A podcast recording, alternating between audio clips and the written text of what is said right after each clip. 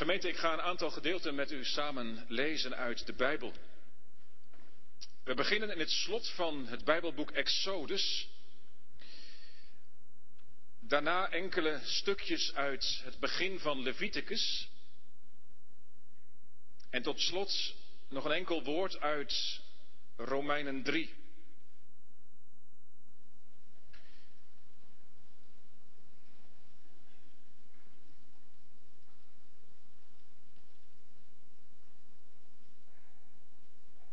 Kern ligt vanmiddag bij de eerste zeven hoofdstukken van Leviticus. Ik noem u alvast dat die zeven hoofdstukken bij elkaar horen. En als je dat ja, wat gaat onderzoeken, dan kom je erachter dat het eerste deel van Leviticus, hoofdstuk 1 tot en met hoofdstuk 6, vers 7, vooral gericht zijn op het volk. Als het gaat om de offerwetgeving. En dan daarna volgt nog een gedeelte vanaf 6 vers 8 en ook hoofdstuk 7, waarin sommige dingen wat herhaald worden, maar die zijn dan vooral gericht op de priesters. En daarover gaat het ook verder vanaf hoofdstuk 8.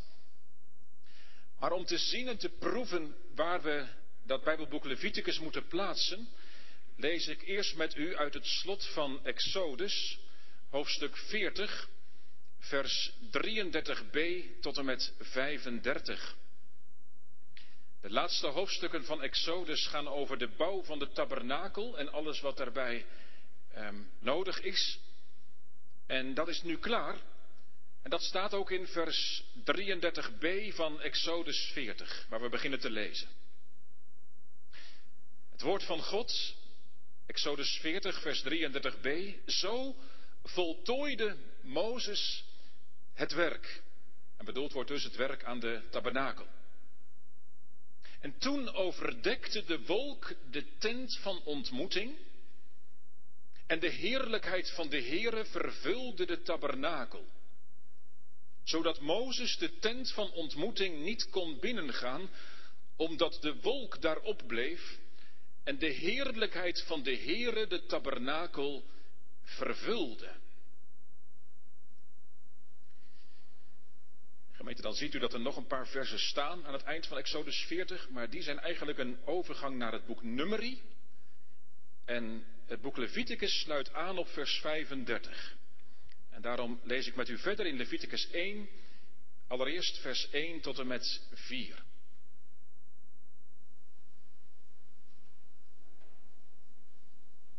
De Heere riep Mozes en sprak tot hem vanuit de tent van ontmoeting. Spreek tot de Israëlieten en zeg tegen hen, wanneer iemand van u de Heere een offergave wil aanbieden, moet u uw offergave aanbieden van het vee, van de runderen en van het kleinvee. Als zijn offergave een brandoffer van runderen is, moet hij een mannetje zonder enig gebrek aanbieden. Hij moet dat bij de ingang van de tent van ontmoeting aanbieden om een welgevallen voor zich te vinden voor het aangezicht van de Heere. Daarna moet hij zijn hand op de kop van het brandoffer leggen, zodat het hem ten goede zal komen door verzoening voor hem te bewerken. Ik lees met u verder in hoofdstuk 2, vers 1 tot en met 3. Hoofdstuk 2. Wanneer een persoon de Heere een graanoffer als offergave aanbiedt, moet zijn offergave meelbloem zijn. Dan moet hij er olie op gieten en er wierook op leggen. En dan moet hij het naar de zonen van Aaron, de priesters, brengen. En een van hen moet een handvol nemen van die meelbloem en die olie met al de bijbehorende wierook. En de priester moet het als een gedenkoffer ervan in rook laten opgaan op het altaar. Het is een vuuroffer, een aangename geur voor de Heere. Wat nu van het graanoffer overblijft, is voor Aaron en zijn zonen. Het is het allerheiligste van de vuuroffers van de Heere. Wij lezen verder in hoofdstuk 5.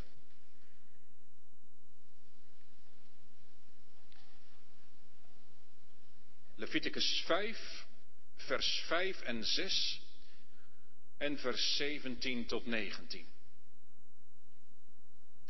hoofdstuk 5, vers 5.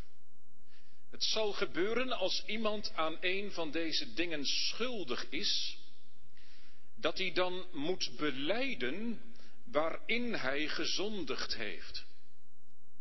Hij moet vervolgens als zijn schuldoffer vanwege zijn zonde die hij begaan heeft, aan de Heere een vrouwtje uit het kleinvee brengen, een lam of een geit als zondoffer. En zo zal de priester verzoening voor hem doen vanwege zijn zonde. Vers 17. En wanneer een persoon zondigt en een van alle geboden van de Heere overtreedt, wat niet gedaan mag worden, ook al wist hij het niet, dan is hij toch schuldig en moet hij zijn ongerechtigheid dragen. Hij moet een ram zonder enig gebrek uit het kleinvee tegen een door u bepaalde waarde als schuldoffer naar de priester brengen. De priester zal zo verzoening voor hem doen, voor zijn zonde, die hij zonder opzet en zonder het te weten gedaan heeft. En het zal hem vergeven worden. Het is een schuldoffer, want hij heeft zich zeker schuldig gemaakt tegenover de Heere. Laatste lezing, gemeente, tot slot Romeinen, hoofdstuk 3. Vanaf vers 23 tot en met 25a. Ik had vanmiddag ook allerlei gedeelten met u kunnen lezen uit het boek Hebreeën. Ik heb gekozen nu voor wat samenvattend vertolkt wordt in Romeinen 3, vers 23 tot en met 25a.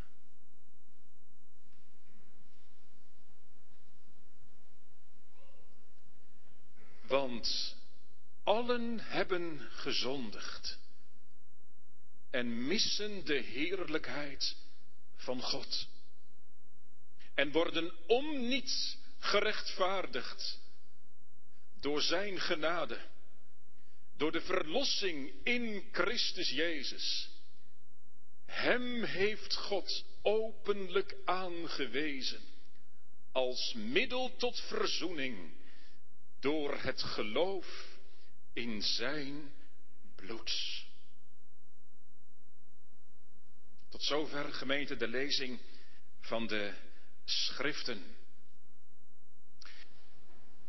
Gemeente, de tekstwoorden voor de verkondiging voor deze middag vindt u zeven keer in Leviticus 1 tot en met 7.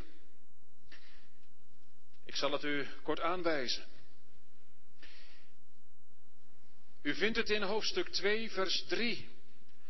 Het is allerheiligst. In hoofdstuk 2, vers 10. Het is het allerheiligste. En dan in hoofdstuk 6 en 7. In hoofdstuk 6, vers 17. Bijna aan het eind. Het is het allerheiligste. Vers 25 aan het eind. Het is allerheiligst. 29 aan het eind. Hoofdstuk 7, vers 1. Het is allerheiligst. En in vers 6 van hoofdstuk 7 nog een keer aan het eind. Het is allerheiligst. Thema voor de verkondiging. Het heilige gebeurt. Het heilige gebeurt. Ik noem twee aspecten maar het loopt als het ware zo in elkaar over. God opent een weg. God opent een weg. En God wijst ook de weg.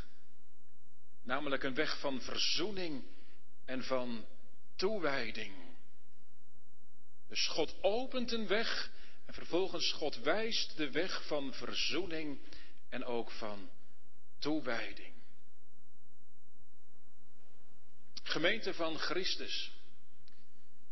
Het is allerheiligst. Nou, dan spits je toch meteen de oren. Want wat is er dan allerheiligst? En wat betekent dat dan? Nou ja, u kon het zien als u snel meebladerde. Zeven keer in die eerste zeven hoofdstukken van Leviticus. Zeven, het getal van de volheid. Het getal van God. Zeven keer, het is allerheiligst. Je komt de uitdrukking ook nog wel op andere plaatsen in de Bijbel tegen. In Exodus kun je het vinden. In Numeri, bij Ezra en Nehemia, bij de profeten Ezekiel en Daniel. Maar nergens zo nadrukkelijk als hier. Het is allerheiligst. Waar gaat het over? Nou, over de omgang van God met mensen. En van mensen met God. Het is allerheiligst. En, waar vindt die omgang dan plaats? Waar komen God en mensen elkaar tegen? Nou, dat is dan inderdaad de vraag. Hè? En, je kunt natuurlijk zeggen, God is overal. Dus je komt God overal tegen. Nou, in zekere zin kun je dat zeggen als je gelooft dat God er is. Hè? En, en dat hij leeft en dat hij alomtegenwoordig is. Misschien heb je het wel gezongen. Vakantie. Op bergen en in dalen. Ja, overal is God waar wij ook heen dwalen of toeven. Daar is God. Maar daarmee is niet alles gezegd, gemeente, want, want God zoekt omgang. Jongeren, geloof je dat? dat God niet een beetje vaag over je heen zwaait, maar dat God omgang zoekt met jou, ouderen, met u. Je bent voor God geen nummer. God kent je heel persoonlijk, zoals je bent. En op het moment dat God in de Bijbel omgang zoekt met mensen, en, en dan zo dat Hij reddend nabij komt, dan, dan is dat allerheiligst. Gemeente, het boek Leviticus veronderstelt de verbondsrelatie van de Heere met zijn volk Israël. God heeft het volk van Israël uitgekozen om in hun midden te wonen. Dat is een wonder op zich. We horen dat in de openingstekst bij deze dienst, die, die magistrale woorden uit Hosea 11, dat God zegt, ik ben God en niet een mens, de heilige, in uw midden. God de heilige in uw midden. Dat is wat de Heer wil, hè? En, en om dat mogelijk te maken, dat God woont te midden van zijn volk, daarvoor schept God een weg. Gemeente, om dat te zien moeten we beseffen dat het boek Leviticus en dus ook onze teksthoofdstukken niet op zichzelf staan. Ik las met u die slotwoorden van Exodus. Dat was natuurlijk niet voor niets. Waar beschreven wordt dat de tabernakel klaar is. Over welke tijd hebben we het dan? Nou ja, die bouw van de tabernakel die heeft plaatsgevonden bij de berg Sinaï. Je leest in Exodus 19 en 20, je kent dat jongeren, over de wetgeving. Je weet wel wat er gebeurt als Mozes dan die twee stenen tafelen ontvangt. Het volk van Israël moet op afstand blijven. Er waren donderslagen, er was bliksem, er is bazuingeschal. Er is een wolk ook van Gods aanwezigheid, daar lees je over in Exodus 19. Niemand mag dichtbij komen, alleen Mozes op Gods nodiging mag komen, die berg op. Maar gemeente, dan in het vervolg van Exodus, dus na Exodus 20, dan, dan, dan geeft God de opdracht om die tabernakel te bouwen. Want God wil wonen te midden van zijn volk. Al wordt meteen wel duidelijk dat dat wel enorme consequenties heeft voor het volk van Israël. Je kunt wel willen dat God onder ons woont, maar als het misgaat, als er zonde op zonde gestapeld wordt, weet je wel, die afgoderij met het gouden kalf, Exodus 32, dan ontbrandt de toorn van de Heere over zijn volk. En Mozes doet voorbeden en God bewijst genade, maar je leest wel dat er 3000 man de dood vindt. En ah, dan gaat het verder. De bouw van de tabernakel is klaar. En, en, en vol van betekenis, gemeente, we lazen het, lees je dan aan het slot van Exodus dat Mozes de tent van de ontmoeting, let wel, niet kon binnengaan omdat de wolk daarop bleef en de heerlijkheid van de Heere de tabernakel vervulde. Gemeente, dat is de situatie waarin het boek Leviticus begint. Het sluit aan bij die kant-en-klare tabernakel. Want um, nu is dat huis van God er, die, die tent van ontmoeting. En, en ja, er is ook de heerlijkheid van God. God zelf daalt af in die wolk. Maar het is niet mogelijk om tot God te naderen. Er moet wel een toegang komen. Wie zomaar tot God komt, die vindt de dood. Dat kan niet anders, want God kan de zonde niet luchten of zien. Zondaar die onverzoend in Gods nabijheid komt, die kan niet blijven leven. Hoe zal het mogelijk zijn dat er omgang komt tussen God en zijn volk? Op welke manier moet dat dan? Hoe, hoe zal die tabernakel echt tent van ontmoeting zijn? Want dat wil de Heer toch? Dat is toch het verbond? Keer op keer lees je in het Oude Testament dat God zegt: Ik zal u tot een God zijn, u zult mij tot een volk zijn. Wederkerigheid. Maar hoe kan dat dan? Hoe moet dat? Nou gemeente, daar gaat God in voorzien. Leviticus. Leviticus 1, vers 1. De Heere riep Mozes en sprak tot hem vanuit de tent van de ontmoeting. Dat is veelzeggend. De Heere riep, staat er. Gemeente, het is de derde keer dat het er zo staat in de Bijbel, notabene bij Mozes, dat God vanuit een specifieke plek roept. De Heere riep. De eerste keer dat je dat leest is in Exodus 19, waar ik het net over had. Bij die heilige gebeuren, dat heilige gebeuren van, van, van de wetgeving. Als Mozes dan die berg op moet komen en het volk op afstand moet blijven, dan lees je dat. En de Heere riep Mozes. Trouwens daarvoor, wat ik nu noem is de tweede keer, daarvoor de eerste keer, dat is bij Exodus 3, als, als die brandende braamstruik er is. En, en als Mozes dan zijn schoenen van zijn voeten moet doen, dan staat het er ook. En de Heere riep Mozes. En, en hier de derde keer. De Heere riep. U voelt wel aan een heilig moment. En ook heel veelzeggend, 1 vers 1, dat er dan staat de tent van ontmoeting. Zo wordt de tabernakel genoemd. En nog een keer, dat is waar God op uit is. Zijn volk ontmoeten. Dat is wat de heilige God wil. Zijn volk zo heiligen dat zondaren worden ontrokken aan het verderf. Aan een leven zonder God om voor eeuwig met God heilig te leven. Wel gemeente, God opent een weg in deze eerste hoofdstukken van Leviticus. En het is de weg van het offer. Er is geen andere weg, let wel. God biedt een weg om God te ontmoeten. Een weg waarin vergeving wordt geschonken. Jongeren, dus vergeving is, is Gods zaken. Hij is het die vergeeft. Die wil vergeven. Anders had hij heel die offerdienst nooit gegeven. God wil vergeven. Ouderen, gelooft u dat? Dat God een graag vergevend God is?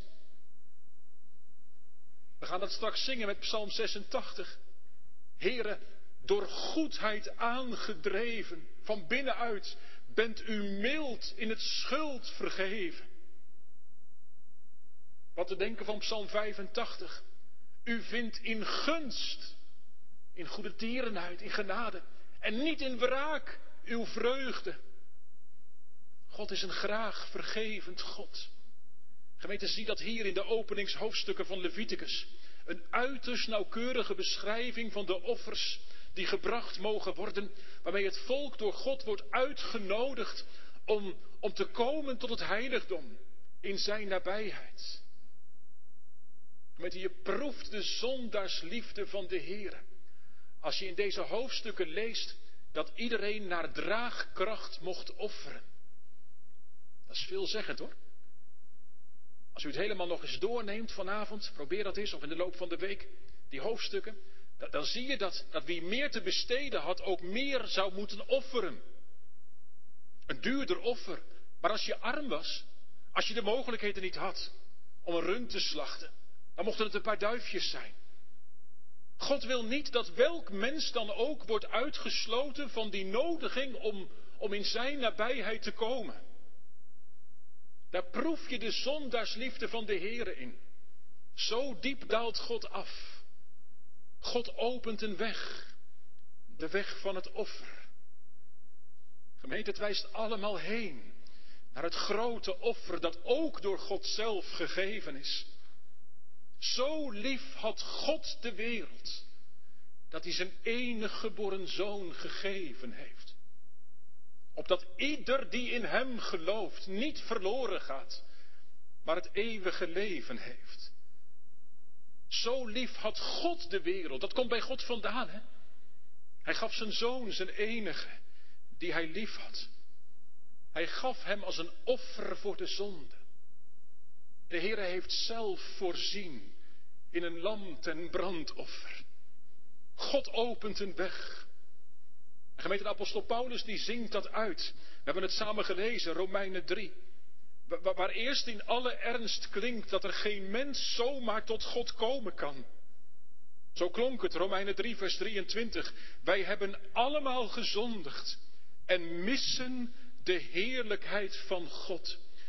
Gemeente, let even op dat woord heerlijkheid. Missen de heerlijkheid van God. Dat is datzelfde woord heerlijkheid als waar het dus over ging in Exodus 40 aan het eind. Hè? Die heerlijkheid van God die neerdaalde op de tabernakel, waardoor er niemand meer in kon komen, zomaar.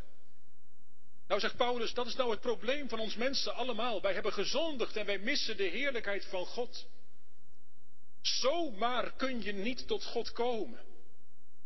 Maar zegt Paulus, en worden om niets, voor niets gerechtvaardigd. Door zijn genade.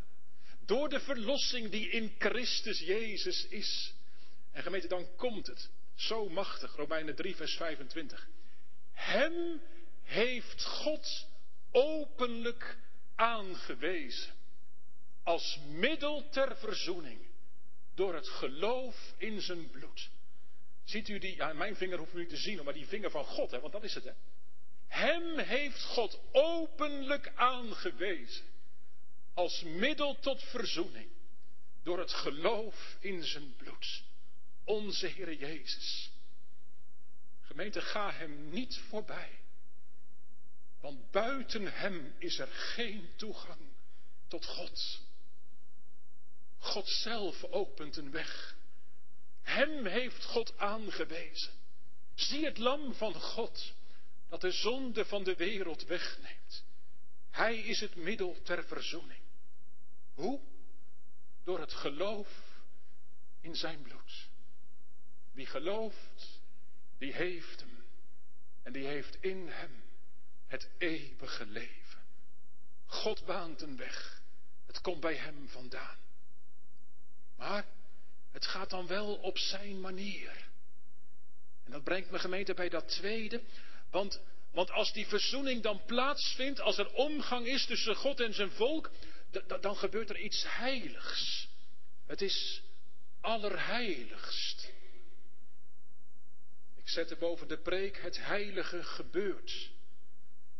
Misschien dat een enkeling van u dat weet. Het is de titel van een boek dat enkele jaren geleden verscheen. Van professor Immink. Het heilige gebeurt. En daarbij gaat het over de eredienst. In de eredienst vindt dat plaats. Het heilige gebeurt. En u voelt wel aan, dat heeft alles te maken met onze tekstwoorden die zeven keer klinken in het begin van Leviticus. Het is allerheiligst. Want daar bij de tabernakel, daar moet de eredienst plaatsvinden. Het is de tent van ontmoeting. Wat is er dan allerheiligst? Nou, de weg die God opent om Hem te ontmoeten. Om omgang met Hem te hebben. Om in Zijn nabijheid te komen. Die weg is allerheiligst. Dat blijkt wel gemeend in de manier waarop de priesters worden ingeschakeld. Vooral in hoofdstuk 6 vanaf vers 8, vers 7 en in hoofdstuk 7 worden de priesters geïnstrueerd. En je proeft hoe nauwkeurig het er dan aan toe gaat. Die priesters mogen op geen enkele manier hun eigen ding doen. Absoluut niet. Ze moeten handelen namens God en ten dienste van het volk. Die kernwoorden van vanmiddag, het is allerheiligst, die staan alle zeven keer vooral in verband met dat werk van de priesters, dat dienstwerk. In sommige gevallen mogen die priesters een deel voor zichzelf bewaren van het offer. Dat mogen ze gebruiken als voedsel. En daar wordt iets in uitgedrukt dat er een moment komt dat die priester moet zeggen tegen het volk: Het is genoeg. Het offer is aanvaard. Er is verzoening aangebracht. Het geeft ook iets aan van het hele precieze hoe het gaan moet. God geeft exact aan hoe die offers moeten worden gebracht. Helemaal of een deel. En de priesters moeten erop toezien. Ze dragen grote verantwoordelijkheid om het volk daarin te leiden. Maar ook om het volk, hoor dat gemeente, vrijmoedig te verzekeren van Gods vergevende genade. Juist dan lees je verschillende keren. Het is allerheiligst. Jongeren, misschien denk je wel, wat betekent het dan precies? Hoezo dat woord heilig? Nou, heilig, dat betekent totaal anders, hè? Totaal anders. In, in, in diepste zin kun je alleen van God zeggen dat Hij heilig is. God is de heilige, zo noemt Hij zichzelf. Nog een keer denk aan die openingstekst, Hosea 11. Ik ben God en niet een mens, de heilige in uw midden, de heilige. En vlak daarvoor God en geen mens. Gemeente, daar heb je het. God is totaal anders. De mens, u, jij, ik, wij zijn schepselen. God is de schepper. Wij zijn mensen van de tijd, ja toch? We worden een keer geboren en we sterven een keer. Maar God is eeuwig. Hij staat boven de tijd. Ja, en na Genesis 3, van u en mij en van jouw geld, los van God, vanuit jezelf. Zondig tot op de bodem van je bestaan. En God is zonder zonde. God staat radicaal tegenover de zonde. Dat is het allerdiepste van zijn heiligheid. Hij is de totaal andere. En kijk, als God de heilige is, dan geldt dat ook voor alles wat van God komt. En, en, en voor alles wat van God is. Meiden, jongens, we hebben het over de Bijbel wel eens als het heilige woord van God. Hè? En, trouwens, jij weet wel, de heilige doop. En het heilig avondmaal. Waarom noemen we dat heilig? Omdat het van God is. Het is niet van ons. In de doop komt God naar jou toe. En God heeft die doop en het avondmaal ingesteld. Het is er en het komt van God en het is ook tot eer van God als het goed is. En wie omgang zoekt met God, gemeente, daar gaat het om. Wie verlangt te komen in Gods nabijheid, die staat op heilige grond. Het is allerheiligst. En gemeente, daarmee zijn we bij waar het allemaal om draait in deze hoofdstukken. Die heiligheid, zo mag ik het zeggen vanmiddag, kan bereikt worden in de weg van het offer. Dat is Gods manier om zondaren te reinigen en te heiligen, zodat ze bij God kunnen horen. De weg van het offer, verzoening, daar draait het om. En God zelf wijst die weg. Leviticus 1, vers 2. Spreek tot de Israëlieten en zeg tegen hen, wanneer iemand van u de Heere een offergave wil aanbieden, moet u. En dan volgt er het een en ander. Dan volgt er een heleboel. Met alle details erop en eraan. De Heer zegt, zo is er toegang tot mij. Gemeente, ik zei het. Dan draait het boven alles om verzoening. Dat wat tussen God en mens instaat, dat moet worden verzoend. Er is herstel nodig van de relatie. Vooral in het zondoffer en in het schuldoffer. In hoofdstuk 4 en 5 en het begin van hoofdstuk 6 lees je daarover. En keer op keer klinkt het dan bijvoorbeeld in hoofdstuk 4, vers 20. Zo zal de priester voor hen verzoening doen en het zal hun vergeven worden. En gemeente, als ik dan vanmiddag iets inzoom op dat zondoffer, dat schuldoffer, hoofdstuk 4, 5, dan valt een aantal zaken op. Het gaat veelal over zonden die, die heel duidelijk schuldig stellen, aanwijsbaar zijn. Zonden waar je weet van hebt.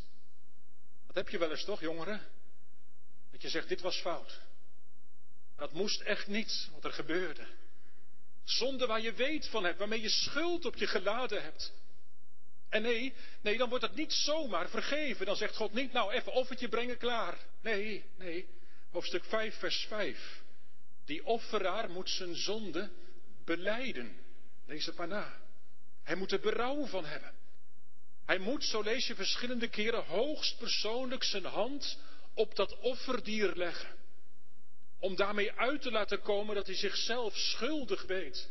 En dat hij genade nodig heeft. En dan gemeente, door bloedstorting geschiet er vergeving. Ja, maar dan ook echt, hè? Dan ook echt, hè? Het staat er meerdere keren. Zo zal de priester voor hen verzoening doen vanwege hun zonde die zij begaan hebben. En het zal hen vergeven worden. Gemeente, vergeving is geen misschientje. In de weg van God, op Gods manier, schenkt God vergeving. Vast en zeker. Hij is een graag vergevend God. Hij neemt de zonde wel hoog ernstig. Gemeente, dat proef je te meer. En dat raakte mij. Als je leest in deze hoofdstukken, u kunt het terugvinden, verschillende keren, dat er zelfs een offer moet worden gebracht voor zonden die je onopzettelijk of zelfs onwetend hebt gedaan. Heb je dat ook wel eens, jongeren? Dat je soms achteraf denkt, eh, ik had helemaal in de gaten, maar, maar nu ik erover nadenk, dit, dit was niet goed. Of er zijn zelfs zonden, heb jij dat niet, denk je? Ik wel. Die je s'nachts in je dromen doet. Zeg je, ja, kan ik er wat aan doen? Onwetend. Nou, daar heeft de Heer het toch echt ook over hier bij deze offerwetgeving. Dus je kunt niet zeggen, nou ja, sorry, ik wist het even niet. Eh, als je een groot wit laken hebt en, en, en per ongeluk is de zwarte verf tegenaan gekomen, dan kun je wel zeggen, ja sorry, per ongeluk, maar, maar die zwarte verf zit er wel. En, en die moet wel weg. De kleinste overtreding zet die verbondenheid met God onder druk. Ook voor zonden in onwetendheid gedaan onopzettelijke zonden is reiniging en heiliging nodig. Maar gemeente, zie nou vooral dit, dat God niet zegt van nou zorg dat je het voor elkaar maakt, maar God zegt kijk eens, dit is de weg. Als dat aan de orde is, breng dan dit offer, zo en zo. Ja, de zonde kleeft je altijd aan. Gemeente, laten we er niet omheen draaien. De zonde zit in ons ingebakken. Wij doen niet alleen zonde, wij zijn het. En daarom is er geen andere weg voor ons om tot God te komen dan in de weg van het offer. Christus Jezus, de Heer. En nogmaals, daar zie je nou Gods vergevende hart. Ook voor die kleinste of zelfs onbewuste zonden geeft God offers ter verzoening. Zie je het hart van God daarin? God vergeeft, werkelijk, in de weg van het offer. En gemeente, natuurlijk, er valt veel meer te zeggen over deze hoofdstukken. Een Bijbelstudie in uw stille tijd zou de moeite waard zijn. Maar ik trek vanmiddag de lijnen door, want God is niet veranderd. Hij is en blijft de Heilige. Ook vandaag, vanmiddag, in de eredienst in zijn huis. Het is allerheiligst. Want hier in het huis van God, onder de prediking van het Evangelie, wordt verzoening uitgedeeld. Geloof je het? Wat een wonder. Maar ook wat een heilig gebeuren. Hier in de kerk onder de verkondiging. Maar ook als we zingen samen. Als je je gaven geeft. Als je de zegen van de Heer met een gelovig hart ontvangt. Als we bidden. Hier is het dat het heilige gebeurt. Die omgang met God. En van God met mensen. Gemeente, wat een roeping voor mij als dienaar van het woord. En voor ons als ambtsdragers, broeders. Als we verantwoordelijk zijn voor de dienst in het huis van de Heer. Om alles met grote eerbied, in diepe afhankelijkheid, maar ook in vol vertrouwen op de Heer te laten plaatsvinden. Het is Zijn dienst. En daarom is het ook allerheiligst. Maar wat een roeping ook voor u, voor jou, als je het woord ontvangt vanmiddag, jongeren. Als je in de kerk gekomen bent. Als je thuis meeluistert wellicht. Het is allerheiligst. Het is de dienst van God, hè? Het is niet van ons. En, en het draait, ja echt door, het draait om, om verzoening. En, en om de bediening van de verzoening. In de weg van het offer nodigt God je uit om in zijn nabijheid te komen. Gemeente, daarom is het dat we u Christus verkondigen. De gekruisigde. Hij is het die de toegang tot Gods genadetroon heeft geopend en openhoudt. Weet u, in hoofdstuk 6 kun je lezen. Daar zie je dat de priesters de opdracht krijgen om 24 uur per dag het offer op het altaar te laten branden. Altijd moet er de mogelijkheid zijn tot verzoening. Gemeente, als dat bij de tabernakel al zo was. En als u dan met mij denkt aan de Heer Jezus Christus nu in de hemel. Die voortdurend zijn doorboorde handen voorhoudt aan zijn Vader. En die tegen u en tegen jou zegt vanmiddag, is er een zonde die je benauwt? Of is het zo dat het jou benauwt, dat je misschien helemaal geen zondebesef hebt? Kom tot Christus. Zie hem daar staan, biddend aan die genadetroon. Wie tot hem komt, werpt hij niet uit. Hij treedt tussen, voortdurend. Als er ongeloof is in je hart. Is helemaal niet gek hoor. Als er twijfel is in je hart. Je hebt het offer nodig. Je hebt Christus nodig. Hij is er. Hij is er nu. Zie op hem en, en zijn voorbeden is voor u, voor jou genoeg. Gemeente, maar nogmaals, wat een heilig gebeuren. Ja toch? Het is allerheiligst. Ook, eh, ook tijdens de tentweek straks, hè? Wordt een tent opgezet op de ijsbaan. Ik dacht, eh, misschien wilde nog iemand een bord maken. Tent van ontmoeting. Zoiets. Want dat wil die tent zijn, toch? Tent van ontmoeting. Maar dan roept de Heer ons dus ook op dat het er allerheiligst aan toe zal gaan. Althans, als wij verlangen dat het daar echt tot een ontmoeting komt. Van God met zondige mensen. Wil er iets van God zijn, gemeente? Dan moet het allerheiligst zijn. Dan zal het moeten gaan over Christus, de gekruisigde.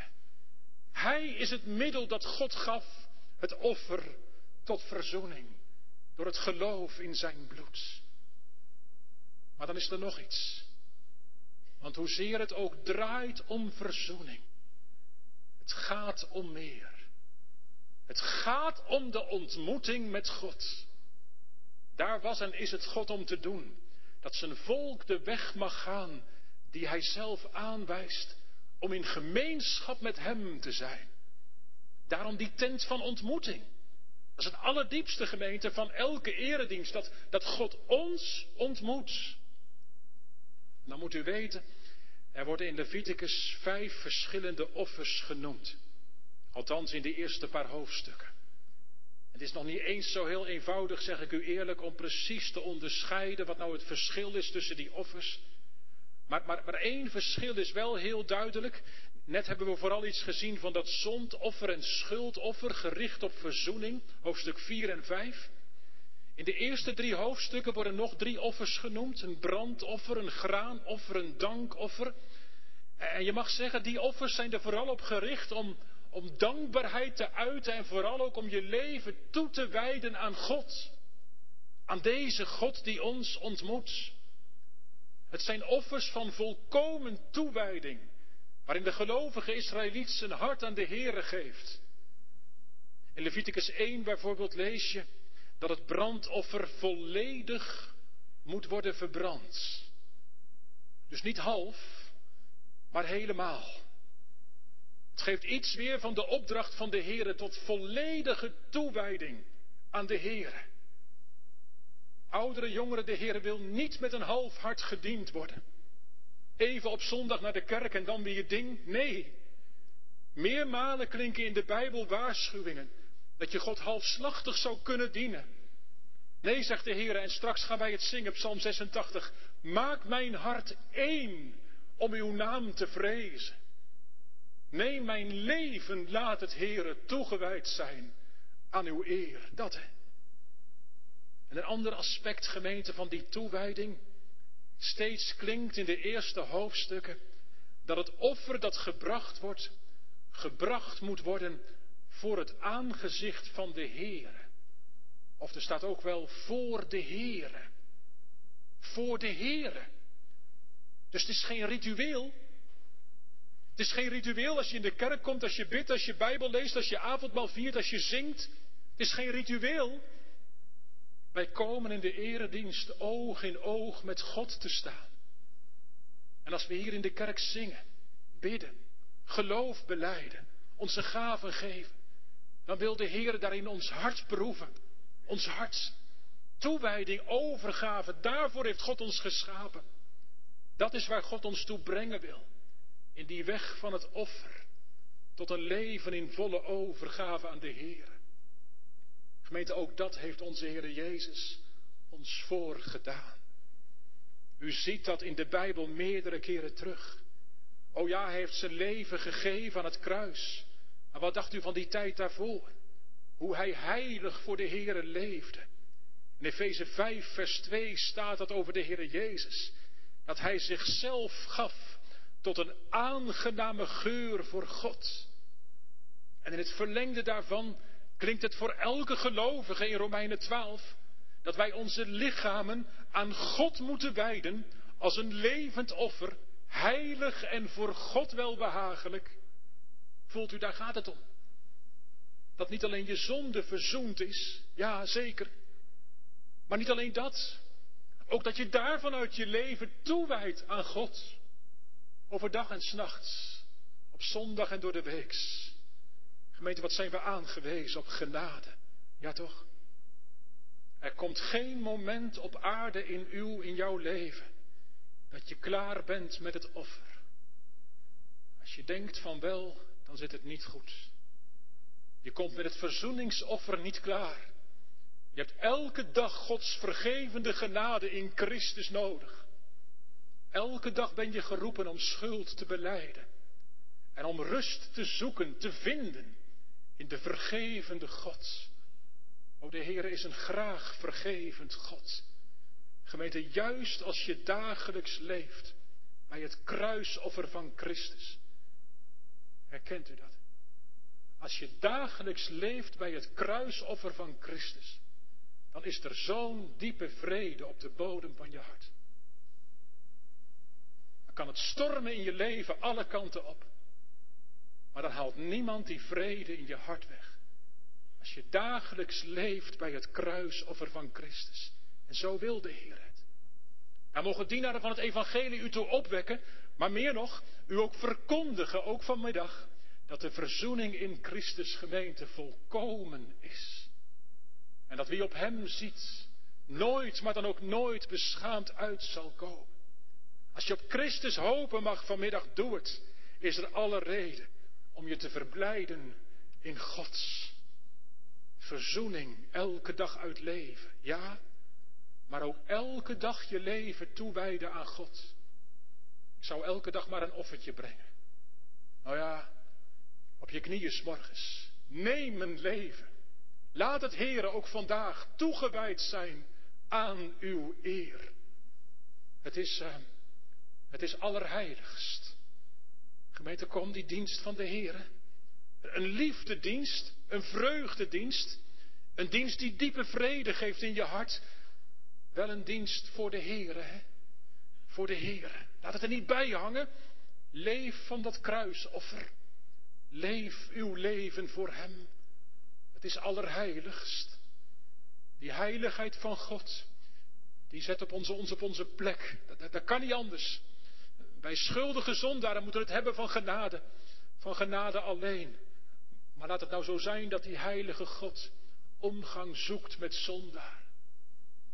De heilige in uw midden. Dat is wat er leeft in zijn hart. God wijst de weg van het offer. En die weg die loopt nooit, nooit dood. Nog één keer vanmiddag gemeente. Zie het lam van God. Zie het lam van God. Hem heeft God openlijk aangewezen als middel tot verzoening door het geloof in zijn bloed. En um, Psalm 2 zegt het. Dien de Heere met vrees en verheug je, jawel, met beving. Het is allerheiligst. Amen.